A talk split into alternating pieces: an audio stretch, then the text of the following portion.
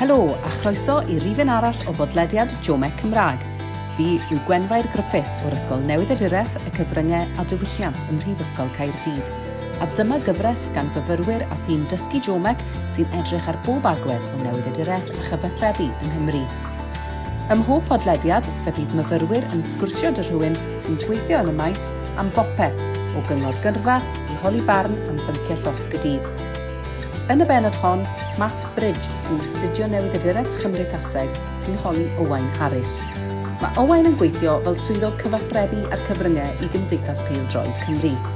Ar ôl graddio o Jomec, fe weithiodd Owain i Adran Chwaraeon BBC Cymru, cyn ymuno ar FAW.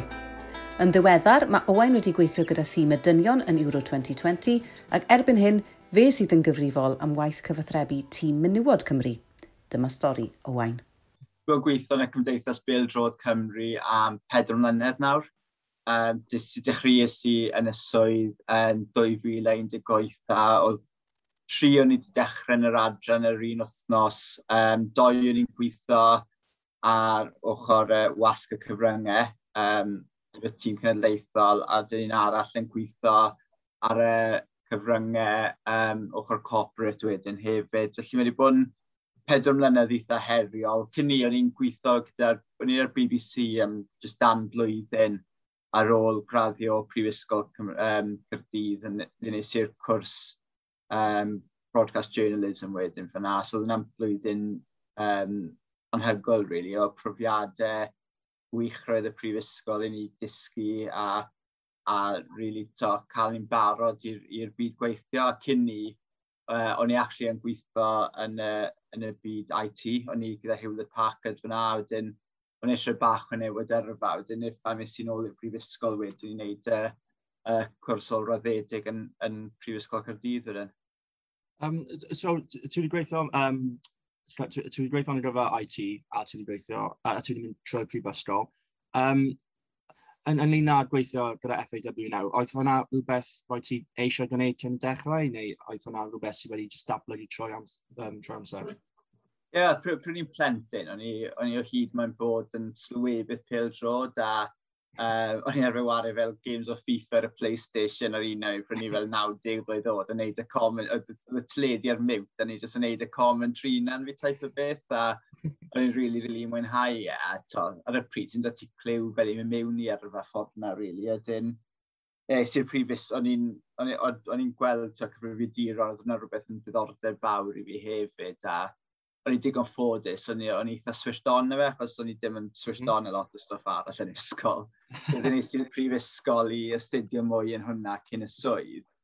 A wedyn pryn ni mas yn yr Euros, gweles i fel, gweles i bach o fel trywydd i cael yrfa yn y byd newydd, newydd i diraeth wedyn, a o'n i'n siarad y cwpl o newydd i diro'n allan na, nhw'n gweud, o, hwn yw'r cwrs sydd ti'n mynd ar a dyn ni e, prynu allan neu roi ys i um, cais mewn i, i bod ar y cwrs a, a ni digon ffodus i cael cyfweliad, ond oedd y cyfweliad y dydd ar ôl y rown terfynol yn y cysadleuau.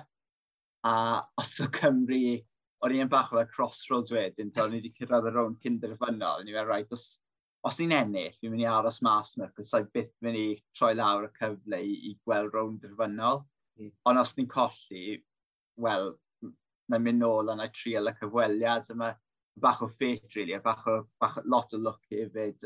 Mae wedi penny off yn gweithio, rolelio ni'n gobeithio bod yn tua fel 10-15 mlynedd. Fi wedi digon ffodus i, i wneud e bach yn gyflymach na ni wedyn ni. Beth oedd yn fel i chi mynd allan um, i'r Euros?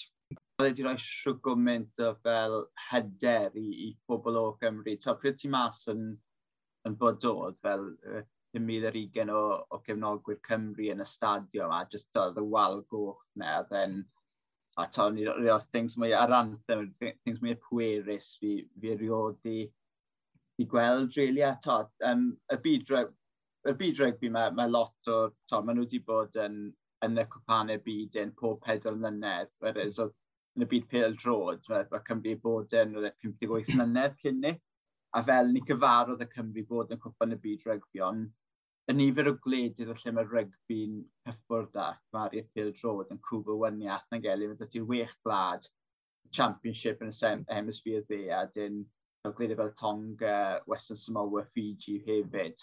A sy'n lot o diddordeb to ledled Ewrop, really, whereas to Appeal Road, mae 55 glad gysadlu yn lle i fod yn y pencampwriaeth y fawrin. Um, to, so, mae gwledydd na, to, warion erbyn Portugal, Slovakia, uh, to, gwledydd e sydd ddim yn tueddu gweld yn, yn y camp eraill lle mae Cymru wedi bod yn cael uh, lot o success yn ddiweddar. So then, to, then profiad yn hygol, really, yn credu oedd e'n wedi hybu pobl Cymru gweld to faint, faint mor dda ni gallu bod ar, mm -hmm. ar ben y byd, really. Um, cyn bod ni'n mynd mewn i, i soi ti yn FAW naw, i pobl sy'n gwrando sydd ddim wedi'n deall um, faint mae FAW wedi datblygu oes gallu ni just sôn tipyn bach am hwnna? Ie, yeah, mae'n byd hollol wyniad jyst yn y, yn y, y 15 mlynedd diwethaf, un o'r llain yn ni os edrych ar ein ffordd. Fel, pryd i'n plentyn, to rownd 1907, 1909, dechrau ni pil drod. Oedd rhai wych gyda Cymru, to uh, Gary Speed, Brian Diggs, Chris Coleman a chwarae, oedd Barry Hon jyst yn dod i diwedd. Fe hwnna'r fel uh, ratgofion un arall sydd â fi y Field Road Cymru. A dyn, dechrau sy'n mynd i'r gêm gemau wedyn, tua'r blwyddyn 2000, a dyn pryn ni yn yr ysgol eil gradd wedyn yn 2002. Athro gwych dyn ni, Gareth Jones, oedd yn John Romer, oedd yn trefnu bysiau i ni mynd i'r gêm. Mae'r gêm gyntaf sy'n y bus ar yr ysgol na, oedd Cymru erbyn yr Eidal, pryd Ciro neu'r Eidal, dwy gol un yn Stadium y Millennium. A to, oedd yn amazing. Pryd ti'n edrych nôl ar y gêm yna, fe 72,000 o bobl yn y gêm yna, a dim y 72,000 o bobl am gêm erbyn Azerbaijan yn y stadiwm hefyd. Mm. A dde, a dde bach weld buzz o'r dechrau'r millennium, y stadiwm newydd yn y diagor. A dyn e, ath e lawr yn anffodus un, heb coed cyrraedd yw'r 2004 a fel players yn symud mas. A bach o transition, Tom's transition yn aros i fel y bel y ram sy'n datblygu yn yr chwaraewyr yn y dyddiau hyn. Ond un o'r trwy hwnna i gyd, dim ond oedd un swyddog y wasg da'r cymdeithas. Um, a dyn oedd ffocws o purely ar, tîm cenedlaethol dynon, to, dyna fe wedyn. A mae wedi datblygu lot am, to, mae'r gêm y merched wedi i tefu llwyth dyn ni, a wedyn ni pobl yn gweithio llawn amser ar y gêm nawr, di hwnna'n mynd o'n erth i'n erth. Mae ma mwy o sylw ar y gêm y dan i'n yr ugen, a mae ma mwy o waith yn cael ei roi mewn i'r gêm domestig hefyd i, i helpu'r cyngor neu datblygu le, le hoffi'r cymdeithas cael ei i fod yn. Ond hefyd, to, sy'n edrych yn ôl ar fel 15 mlynedd yn ôl, oedd dim cyfryngau cymdeithasol i gael. So, oedd y swyddog y wasg yna, dim gorffa meddwl am rhaid, be fi gorffa roi ar Twitter, cos to, oedd e, oedd Twitter 5, mlynedd lawr, lawr y lain y ffordd. A mae hwnna'n rhan fawr nawr o'r gymdeithas yn cysylltu gyda'r um, tod, y cefnogwyr a pethau, yw, yw cael ni siarad yn i bethau ffordd na, so dwi'n mynd yn diddorol wedyn ni, ti'n fa? Gallech chi sôn tipyn bach am dy soi ti te yn, yn FAW gyda wasg? Ie, yeah, fe ni gweud, i bod mewn pedwar mlynedd nawr, um, yn benodol i dechrau swyddi oedd i edrych ar ôl yr ochr y wasg yma, tîm y merched, tîm y dan i'n yr ugen dynon a gweddill tîm y dan oedran, so yn diddorol iawn a oedd, oedd gêm y merched ar y pryd, o'n nhw, nhw heb colli gêm yn uh, rowndiau rhagrofol na i cyrraedd gwpan y byd yn 2019. A yn amser ddau, do mewn un o gym gynta cystadleuol fi gweithio ar tîm y merched, oedd canlyniad i sgôr erbyn Lloegr yr tro gynta i ni cael so, gêm gyfartal erbyn Lloegr oedd yn canlyniad anhygol erbyn tîm oedd trydydd yn y byd, o flan 22,000 o bobl yn credu yn Southampton. A dyn, oedd hwnna di holl bild o lan, adlad i lan wedyn i, i chwarae nhw. Nillon ni gym erbyn Bosnia a Russia wedyn i'r ôl ni. A oedd y buzz cyn y gêm ôl erbyn Lloegr, oedd e basically winner takes all yn cas newydd. So oedd, oedd gweithio hwnna yn awr naw fis gyntaf swydd, jyst yn bach o roller coaster really, a, a to, thrown right in the deep end type o beth. A dyn, ni, ni ar y stage na, mae Covid wedi bod yn bach o knock bach nawr hefyd, fel ond ni'n ni dechrau adeiladu nôl i hwnna, neu di ers y gêm erbyn Lloegr, ni wedi cael mwy o dorfyn gêm eraill. So mae, mae, mae hwnna'n mynd o'n erth i'n erth. Wedyn, mae'n edrych mlaen nawr yn ddiweddar, byddai'n symud mlaen i wneud ochr y merched a ochr y dynon hefyd, gyda'r um, gêm ail gyflent o mlaen erbyn Austria, gobeithio rhwng dyrfynol fyna cwbl dyddi ar ôl ni a byddai'n uh, gobeithio dilyn i Qatar wedyn erbyn diwedd y flwyddyn. Pwysig bysedd. Um, nes i edrych ar y uh, Twitter cyn um, gwneud y Zoom call, a um, nes i gweld y fideo gyda Jess Fishlock ac uh, um, y pwyslais am, am y dyfodol, y gêm mm-hmm. y merched. Mm. -hmm. Ydy'n hynny rhywbeth sy'n bwysig iawn yn ymwedig gyda y merched? O oh, ie, yeah, mae'n rhan anferth os mae'r ma cymdeithas gyda nod eitha uchelgeisiol ond on mae'n mae dda i cael 20,000 o ferched yn wario pil drod erbyn 2024 a i, ca, i cadw Cymru i tyfu yn, yn gêm y merch yn unrhyw gêm yn general, mae, mae angen uh, y plant ifanc yna i tyfu ac i datblygu yn y ffordd gywir a tod i cael y talent allan a, ac i ni fel Cymru ffeindio'r talent yna i helpu nhw adeiladu. Ond mae ni'n ni ffodus iawn gyda'r grŵp o chwaraewyr sydd dan ni fel Jess fel enghraifft a oedd hi draw o America mis a oedd hi moyn neud rhywbeth, oedd hi o blaen i wedi bod o'n disgolion y pethau dy hi a ath i na, oedd hi mor, mor dda yn siarad. Ti'n lli gweld y plant ifanc yn, mae'n rili really yn ysbrydoli nhw hefyd. Yeah. So, maen nhw'n ma nhw cyffroes i cwrdd â'r chwaraewyr un, maen nhw, a ta, maen nhw'n mynd getio, nhw'n siarad am da rieni nhw, a mae ma, ma buzz great o fe, a, a ta ni'n gobeithio yna, pryd mae'r ma chwaraewyr hun fel Jess felly wedyn yn, yn stopio chwarae, bydd nhw'n lli bod yn ambassadors great i ni fel Cymru hefyd i datblygu'r dibodol, a gobeithio bod y siampl nhw cael ei pasio lawr hefyd. To, bydd, e, bydd y chwaraewyr sy'n dod lan yn gwybod, rhaid, os fi'n tyfu mewn i fod y Jess Fishlock, mae'n rhaid i fi bod yn role model wedyn i'r cynhadledd nesaf hefyd, a ni yn dechrau gweld hwnna gyda chwaraewyr fel Carrie Jones, Esther Morgan, Lily Wood yma. Maen nhw yn, ma nhw yn to, gweld Jess, a maen nhw'n ma nhw cael yr un traits yn ffordd sy'n sy, sy gret i weld. Ydy hynna rhywbeth gyda menywod a dynion, um, bod y chwaraewyr eisiau gwneud fel unrhyw beth mae FAW eisiau nhw'n gwneud am y yeah, dyfodol ola.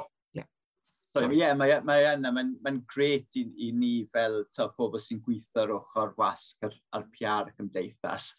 mae'n neud y swydd yn lot haws i ni, ond ni, ni wedi gorfod adeiladu perthynas, a mae lot, mae lot o fe'n beth ar, ar, y trust rhwng o'r chwaraewyr a'r, ar staff yn y cymdeithas. Ond, a to, dim jyst ochr y merched hefyd, mae'r ma, ma o'r chwaraewyr tîm y dyno, ti'n gofyn i nhw wneud pethau, a maen nhw'n ma gweud i yes, maen nhw'n deall pam chi'n neud e.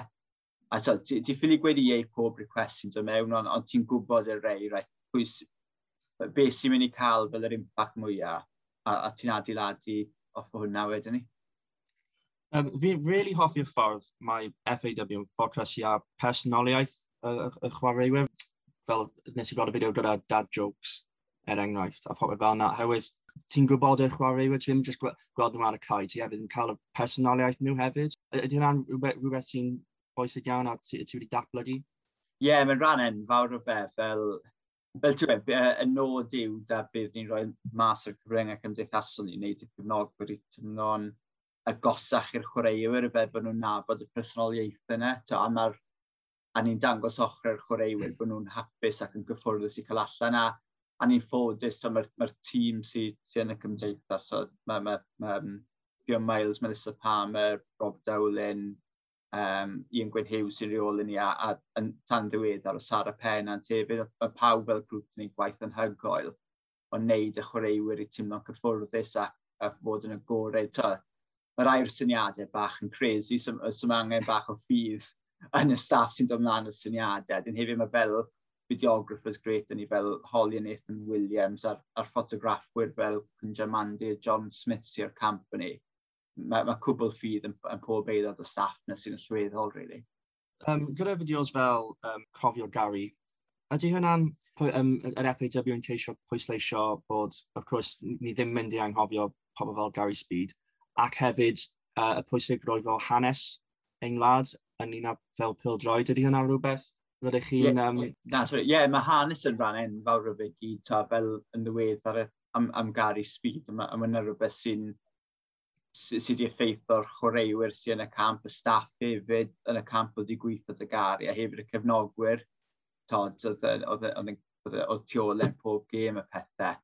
A, a hefyd, tod, ochr gêm y merch yn ddiweddar, o'n wedi cefnogi, tod, um, oedd e 200 gêm y tîm Felly wnaethon ni bach o addysg gyda'r chwaraewyr wedyn am, am pryd oedd y gêm gynta, pwy oedd y chwaraewyr gynta, hodd yn mynd i'r camp i siarad am profiadau nhw i, i weld y wyniaeth to dros y blynyddoedd, ond on hefyd dim jyst yr hanes pil drod yng Nghymru sy'n bwysig, ond on hanes Cymru fel glad, mm -hmm. a ni'n trio roi bach o'r addicts na i'r chwaraewyr, a, ac yn ffordd rai'r cefnogwyr hefyd, so ni'n ni bob blwyddyn ni'n ni talu teingerd a Aberfan, um, to, Colliers Park, yn, yn gresfod hefyd ar um, mae'n disaster digwyddodd fyna. Ni'n ni cadw, ni'n ni anwybyddol, ni'n gwybod, sori, uh, y dyddiadau hyn, a ni'n neud yn siŵr bod, bod ni'n talu'r tinged yn y ffordd cywir wedyn a mae'r addysg yn bwysig i'r chwaraewyr hefyd, felly maen nhw'n gwybod ac yn deall y glad maen nhw'n cynrychioli a to maen nhw'n allu helpu nhw mynd yn cam ymellach uh, pwy mae angen e uh, di sôn am um, addysg gyda um, y chwaraewyr, um, nes i sylwi bod ti'n cydweithio gyda sefydliadau yng Nghymru, uh, fel yr er dda, dwi'n meddwl Save a Life oedd un o sefydliadau arall, a gyda cancer. Um, mm -hmm. Ydy hwnna fel y broses hefyd, a ddys ti uh, cefnodwyr a, a chwaraewyr hefyd? Ie, yeah, mae'n rhan bwysig iawn. So, Mae'r ma rhywbeth yn esiampl gret. Be, ma, be maen nhw'n wneud fel mudiad ieuenctid yng Nghymru yn anhygoel rhenwyr mudiad ieuenctid mwyaf yn Ewrop neu rhywbeth hefyd. So, a tai, cael hwnna am glad o 3 miliwn yn, yn gret. A, a ni'n gwybod hyd, so, mae chwaraewyr fel Tash Hardin a Aaron Ramsey, dechrau nhw chwarae pil dro trwy'r erdd. Mm. Sy'n dangos os, os ti'n cysylltu'n agos yn nhw wedyn, mae'n dangos y pathway a gobeithio ysbrydol i'r dyfodol i, i fel y plant ifanc i datblygu trwy'r erdd hefyd. Um, felly hwnna'n rhan dda. Mae'n mae'n ffynnu o'n i'n darllen o'r pwy di. Yn 1935 oedd, oedd y cymdeithas di, stop, di troi lawr cynnig o'r er wedi helpu nhw codi arian yn un o'r gamer yngwladol. Wedyn mae hwnna wedi cymryd full 180 nawr, a mae popeth mae'r er moyn, to ni, ni rhoi tu ola. E. A dyn to, fel, fel ti'n gweud, mae'r mae, ochr e, lusennau hefyd yn dda, mae, mae, mae lisen adran ni, mae'r mae gwaith mae hi'n neud ar eich bryd. A, the ten y us siampl, o'n gwerthu wristbands, mm. uh, yn ystod pemp y yr Euros a hefyd uh, Welsh Blood Service a hwnna'n defnyddio'r clybiau yn y gêm domestic i, i gwthio tod rwch gwad yn, yn y clubhouse neu, neu yn y canolfan lleol neu rhywbeth a, a, a hwnna di sa'n cofio stat yn gwmwys, ond dath e mas yn gweud faint o bywydau mae hwnna di actually safio dros y blwyddyn diwethaf, oedd pawb jyst fel, waw, hwnna'n hwnna anhygol, really. So, mae'n mae'n bwysig iawn i wneud pethau ffordd na. So, mae'n ma mwy i bywyd ti fas o pil drod, mm. a mae'n bwysig cefnogi yna pryd a le chi gallu. Os gallu disgrifio fel match day uh, yn, yn, yn, yn ochr chi? Manic, os ti'n mynd i'n gair.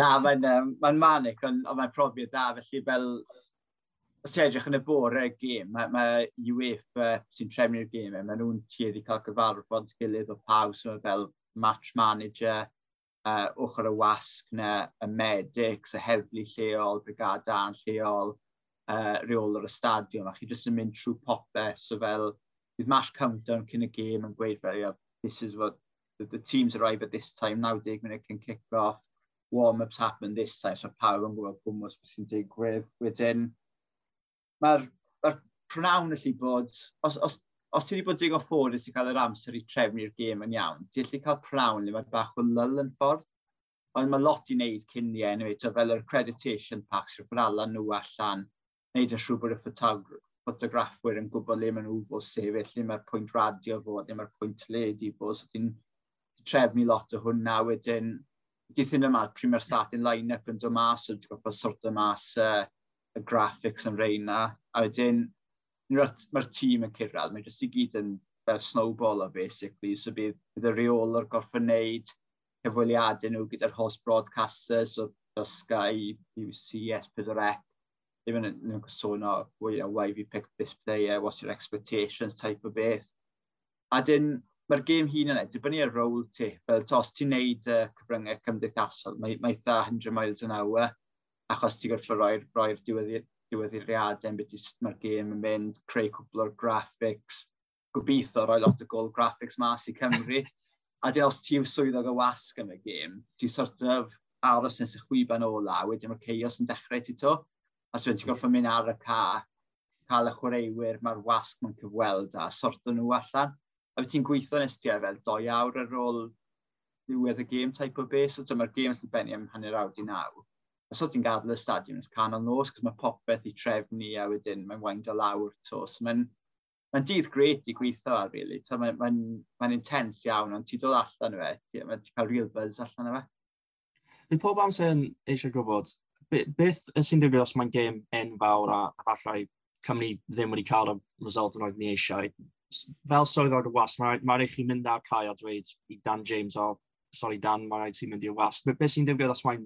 Ie, yeah, yna'r bit anodd. Pryd mae Cymru'n ennill gêm, e, ta ti'n lli cael cyw o chwaraewyr sy'n mwy na hapus i siarad, ond mae'n allu bod lot yn oddach i cael rhywun. Ond on, yn dig, mae'r chwaraewyr yn deall e, cos tos, if, if you're happy to talk when you win, then you should talk when you lose hefyd. Mae'r ma, chwaraewyr da'r attitude da, yna. Ta, a ti'n lli geidio sut, sut mae'r gêm yn mynd hefyd. Os mae rhywbeth really, really wild yn digwydd i rhywun i gol yn ystod y gêm, ti'n gwybod os dim nhw'r person gorau i wneud y cyfweliad un type o beth.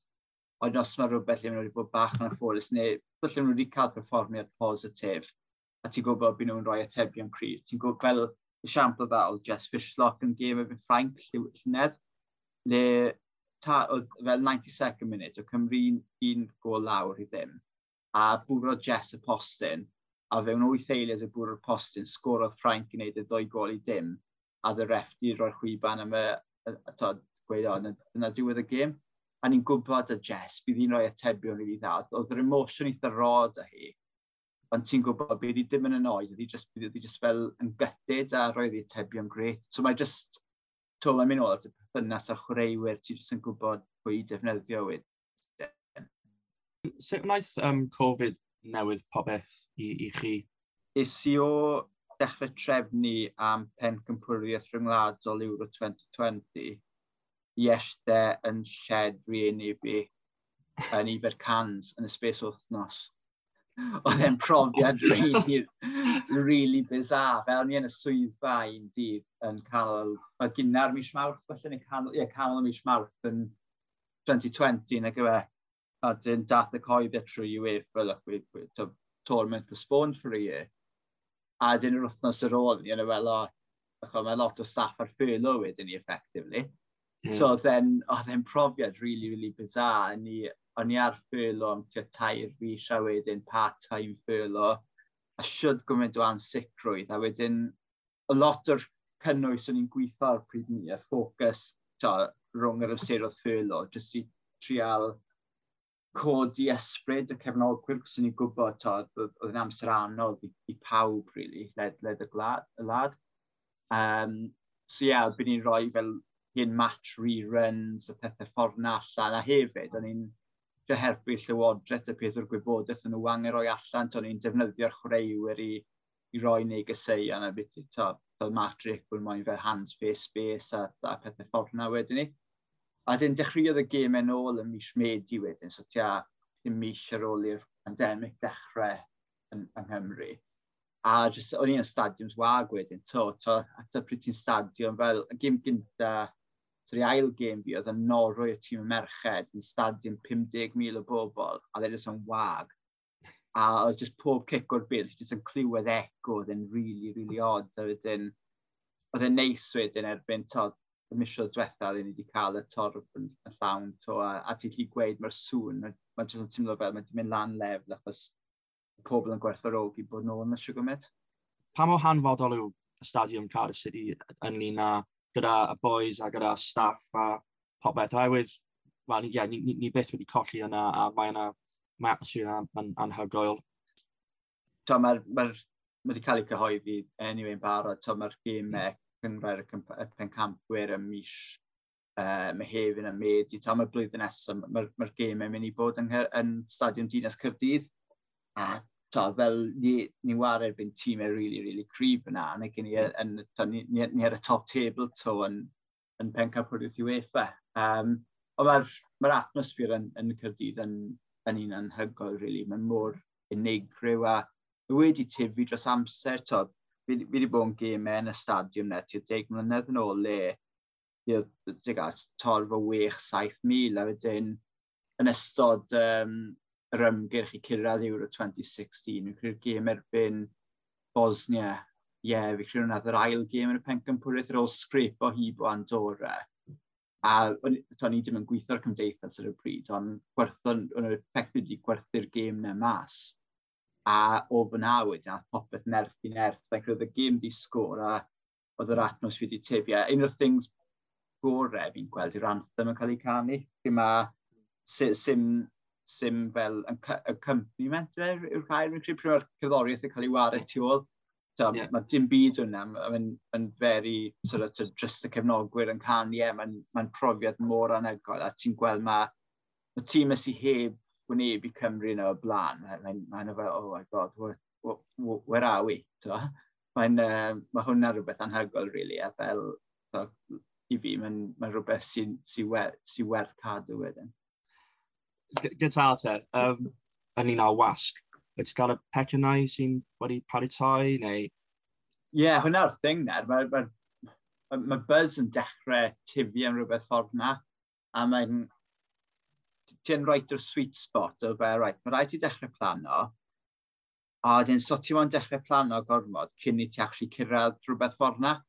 A to, fel, fel un ni'n Cymru, ni, ni don't want to get overconfident, so ni heb bod yn pencampwriaeth fyr ein ers 1958, so sim da ni unrhyw so, dylen ni dim bod yn orhyderus am cyrraedd rhywbeth, mae rhaid ni'n gweithio'n galed am y cymryd e game o game.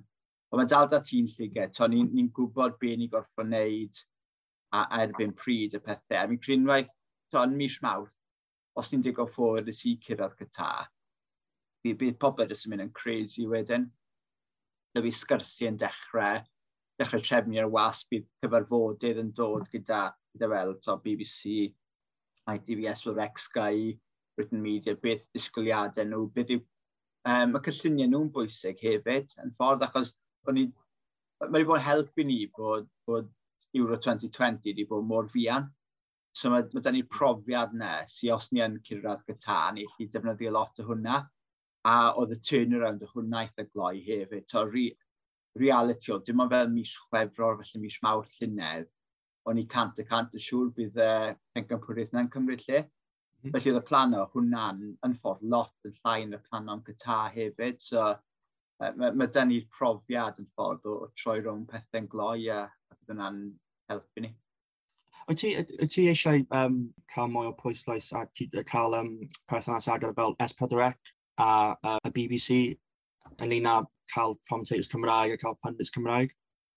Ie, yeah, maen nhw'n bwysig iawn yn ni, achos so, maen nhw'n maen nhw gallu helpu ni gweud y storiau sy'n sy, sy o beth sy'n digwydd o fewn y cymdeithas fel siampl dda yw'r um, porterddiau sydd dan ni dy'r BBC ar y funud i dangos gêm y merched a ni'n gweithio gyda nhw wedyn am beth to, to'r uh, cynnau yn rhoi hanner amser, beth maen nhw'n edrych i, i cyfro hanner amser a to ni'n ni, n, ni n rhoi rai rannau'r ffocws sy'n o weithiau. To, mae, mae hydl am oedrannau 5 ar 10 di bod yn pecyn ffocws sy'n o Mae cwbl o syniadau da ni am y camps nesaf a pethau hefyd bydd weithiau cyffroes. So mae'r y perthynas na'n bwysig iawn a pryd mae'r chreuwyr yn deall y perthynas hefyd, yn wedi pryd maen nhw'n dod i diwedd yr faidd nhw, maen nhw'n nhw gweld bod, so, bod yrfa myd y wasg hefyd. Felly ni, ni gallu helpu nhw wedyn i, i bod y fel pundit am cwpl o gemau a pethau ffordd na, jyst i roi'r ymarfer i nhw hefyd. Am yr, am yr cwmnio ti wedi sôn, maen nhw'n dda iawn yn helpu datblygu'r unigolion hyn wedyn, os maen nhw'n deall yn y hir dymor, byd nhw'n gallu helpu nhw dy'r, dy'r rôl sydd angen yn nhw. A isa yna sefydliadau arall neu tîmau, clybiau neu gwledydd, a ti'n edrych ar ei, um, sut, sut maen nhw'n delio gyda datganiadau was, dweud, o, oh, dyna ni gwneud hwnna, o, mae hwnna'n rili really dda. Ie, yeah, mae ffair, pawb yn gwneud stwff yn, yn wyniaeth, a so, ti'n gallu cael look ar y tîmau yn y Premier League, mae stwff maen nhw'n gwneud yn anhygoel oedden mae'r ma ochr o staff hefyd, tyd, yr, yr resources sydd dan nhw, cwbl wahanol i ni, tyd, fel, fel fi sôn yn adran ni ar y funud, dim ond pedwar o'n i si. Ond bydd rhywun fel Manchester United a pedwar person just a ffocws ar Instagram. Yeah. so, fel mae'r mae r, mae output wedyn gallu bod yn linked yn, yn, yn drwm iawn gyda sawl aelod o staff sy'n gweithio rec A yn ffordd, ti weithiau'n gweld y stwff mwyaf creadigol a'r, ar stwff i fi sy'n lli bod mwyaf impresif yw pryd ti'n edrych ar weithiau'r cyngreu eich. Os, os mae fel bits o content sydd o mas o, o reina, ti, a ti'n gwybod faint o'r stretch maen nhw'n gallu bod fel staff, a ti'n fel, maen nhw'n nhw gwneud peth real golden stuff ar fel TikTok falle, neu mae, neu mae stwff nhw'r Twitter yn really gryf, neu video content nhw, a dyn, falle mae ochr arall, falle mae mae'n perthynas nhw o'r wasg, felly dim o'r grif neu mae'r datganiadau nhw, maen nhw'n stryglau neud hynny, achos maen nhw wedi gorfod ffocysu gormo, um, trwy'r gwmynt ar rhywbeth arall. So mae'n y balans yw'r thing anodd, ond on cant y cant i'n gweld fel stwff i fi sy o hyd yn ddau edrych ar y peth yn America gyda'r NFL. Mm. Um, Mae'r NFL, to, byddai'n stryglan watch o game llawn American football. Yeah. Ond on mae'r ma, ma content maen nhw'n dod ar really, really a creadigol, tîm yn fawr. A Formula 1 yn enwedig, fel ti'n gweld dros y... Fi'n credu tua 5 lle 6 mlynedd yn ôl, oedd e yn more predictable Formula 1. Fi'n gofio dal yn predictable yn y ffordd nawr. Oedd, oedd Vettel yn ennill llwyth, wedyn oedd Hamilton yn dechrau ennill llwyth. Ond maen nhw wedi... be maen nhw wedi gwneud fel Drive to Survive, Netflix a'r Access na, a mae, mae fideos a clips ar social media mor creadigol a, a wahanol. Mae'n mae, mae rhoi mwy o buzz round, round uh, y camp wedyn ni. So, mae, mae cwpl o siamplau dim just yn pil drod i lle edrych ar. Ti'n gweld tîmau fel Wrexham a mae Arsenal yn gwneud un gyda Amazon nawr, Man City. Bydd Cymru beth yn gwneud access all areas, falle, neu am Amazon neu Netflix? A mae hyd yn dibynnu, ti ffili gweud na i pethau, ond um, bys i eisiau, mae'n dod nôl at y trust yna gyd chwaraewyr, a staff, a, a beth chi moyn dangos, beth chi ddim moyn dangos, etc. Um, mae lot yn digwydd yn y byd chwaraeon ar y funed, ond be ni'n digon ffôlus a nes i sôn gynharach am Olin Nathan Williams sy'n neud y fideograffi mae'r chwaraewyr a cwbl ffydd yna. A ni wedi wneud lot o'r stuff behind the scenes na'r trynelu hunan ni'n barod, so, so to, ni jyst yn gweld sy'n mae pethau'n datblygu dros yr amser wedyn ni. A oes um, gwefan cymdeithasol sy'n ti'n ffafrio? Um, to, mae pob un yn wyniaeth fel... Mae um, Twitter un rwyddach weithiau'n ffordd le ti jyst yn rhoi rhywbeth mas yn gloi a, dyn, a that's it. Whereas, beth fel TikTok, mae, mae nifer o dilynwyr ni ti'n mynd yn crazy, really, yn ystod yr ewyros ond ni jyst yn gwybod mae ma angen ti investo mwy o amser ar rea. Un o'i fi so fi'n 30 blwydd oed, a fi'n tymlo fe fi'n outdated am TikTok, sy'n sy bach yn bizar, really. Ond um, na, sy'n sy un yn particular, mae jyst rhaid ti check cadw digyd ar pob un sy'n lli bod bach yn anodd weithiau. Pa sgiliau y ti wedi troslwyddo o prifysgol Caerdydd i beth ti'n gwneud nawr? Um, yr un mwyaf disgys i'r cwrs na oedd i tysollan beth yw stori a, a pigo allan y top line a rhywbeth, mae'n rhan really bwysig, cos to, um, a rhywun roi rhywbeth ti fel, fel o, this is, a, this is the squad for the team type o beth, a ti'n lli pigo lan straight away, right, maen nhw mas, maen nhw'n stori, maen nhw hwnna camp gynta nhw, pwy yw'r person e, na, ti'n ffeindio mas mwy yn biti nhw type o beth, so maen hwnna'n rhan bwysig iawn, a weithiau fel os, os bydd adran allan dod mas ar ryw fel recommended press release neu rhywbeth ffordd na gweud, oh, we need to cover this. A ti llithyn dod mas eitha gloi fy gwynes ni'n rhoi fel um, ticket prices yn rhywbeth, er example, a, a ti'n gweld hwnna di mynd lan 5. So dim y stori yw bod y ticket yn mynd ar werth. Ond mae hwnna di mynd lan pris o fel ti'n amddiffyn yr ochr na fe, neu, neu sbonio yr ochr na fe'n ffordd. So, a, a, a, a, mae um, resymau positif gallu bod um, yn sicr to fel i codi prisiau to cynne, cos mae'r arian yn mynd nôl mewn i pildrod um, domestig a pildrod plant yng Nghymru. So to mae ma resymau tu ôl pethau, ond mae'n bwysig i ffindo le mae'r pethau yna cyn i nhw'n mynd allan heb i ni gwybod yr resymau am nhw.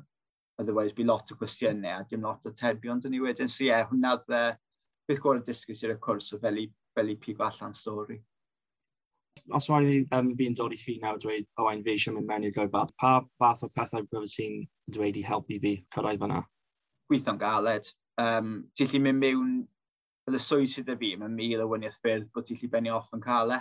Um, so sim, sim un trywydd iawn dy ti. Ti'n just gorfod gweithio'n galed a byd ti'n cael cyfle a tri a gweud e i ei popeth.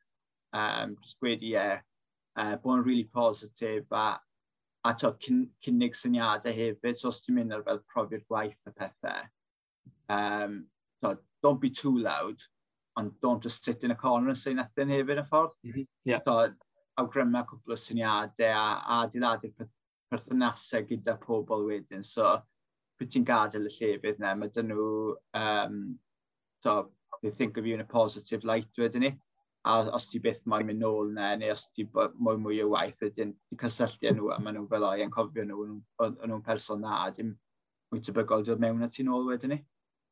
A dyn hefyd, y thing arall na'n gweud yw, don't just aim for the top, top thing straight away. So fel, os ti'n moyn gweithio dy'r tîm y cenedlaethol, weithio dy'r game domestic gynta weithio, achos mae profiadau ti'n cael dy'r game domestic, yn lot gloiach, os ti jyst yn trio pwysio am, am y top level trwy amser. Yeah, right, crash olaf. Um, beth yw'r predictions i am y uh, game yn efo'n aws um, 90 minutes, 22 players, one team score more than the other. ah, gobeithio. Honestly, really, really gobeithio byd ni'n ennill. Mm -hmm. A dy bydd hwnna'n so, rhoi'n game enfawr yn ei erbyn i'r uh, yr Alba neu i wedyn y dydd mawrth ar ôl ni a, a gobeithio bydd ni gyd yn dathlu trwy ddo'r prawn di mercher wedyn ni, yn ni weld. Oh, diolch yn fawr am sgwrs. Mae'n bod yn gred. Ba, brel, diolch. A dyna Matt Bridge yn holi Owain Harris. Os hoffech chi glywed rhagor am yr fawn ym myd cyfathrebu Pêl Drod, mae penod gyda Ian Gwyn Hughes a phenod gyda Rodri Jones ar gael i chi rando nawr. Cofiwch dan ysgrifio i gael gwybod yn union pryd fydd y pod nesaf yn cael ei ryddhau. Tan hynny, hwyl i chi.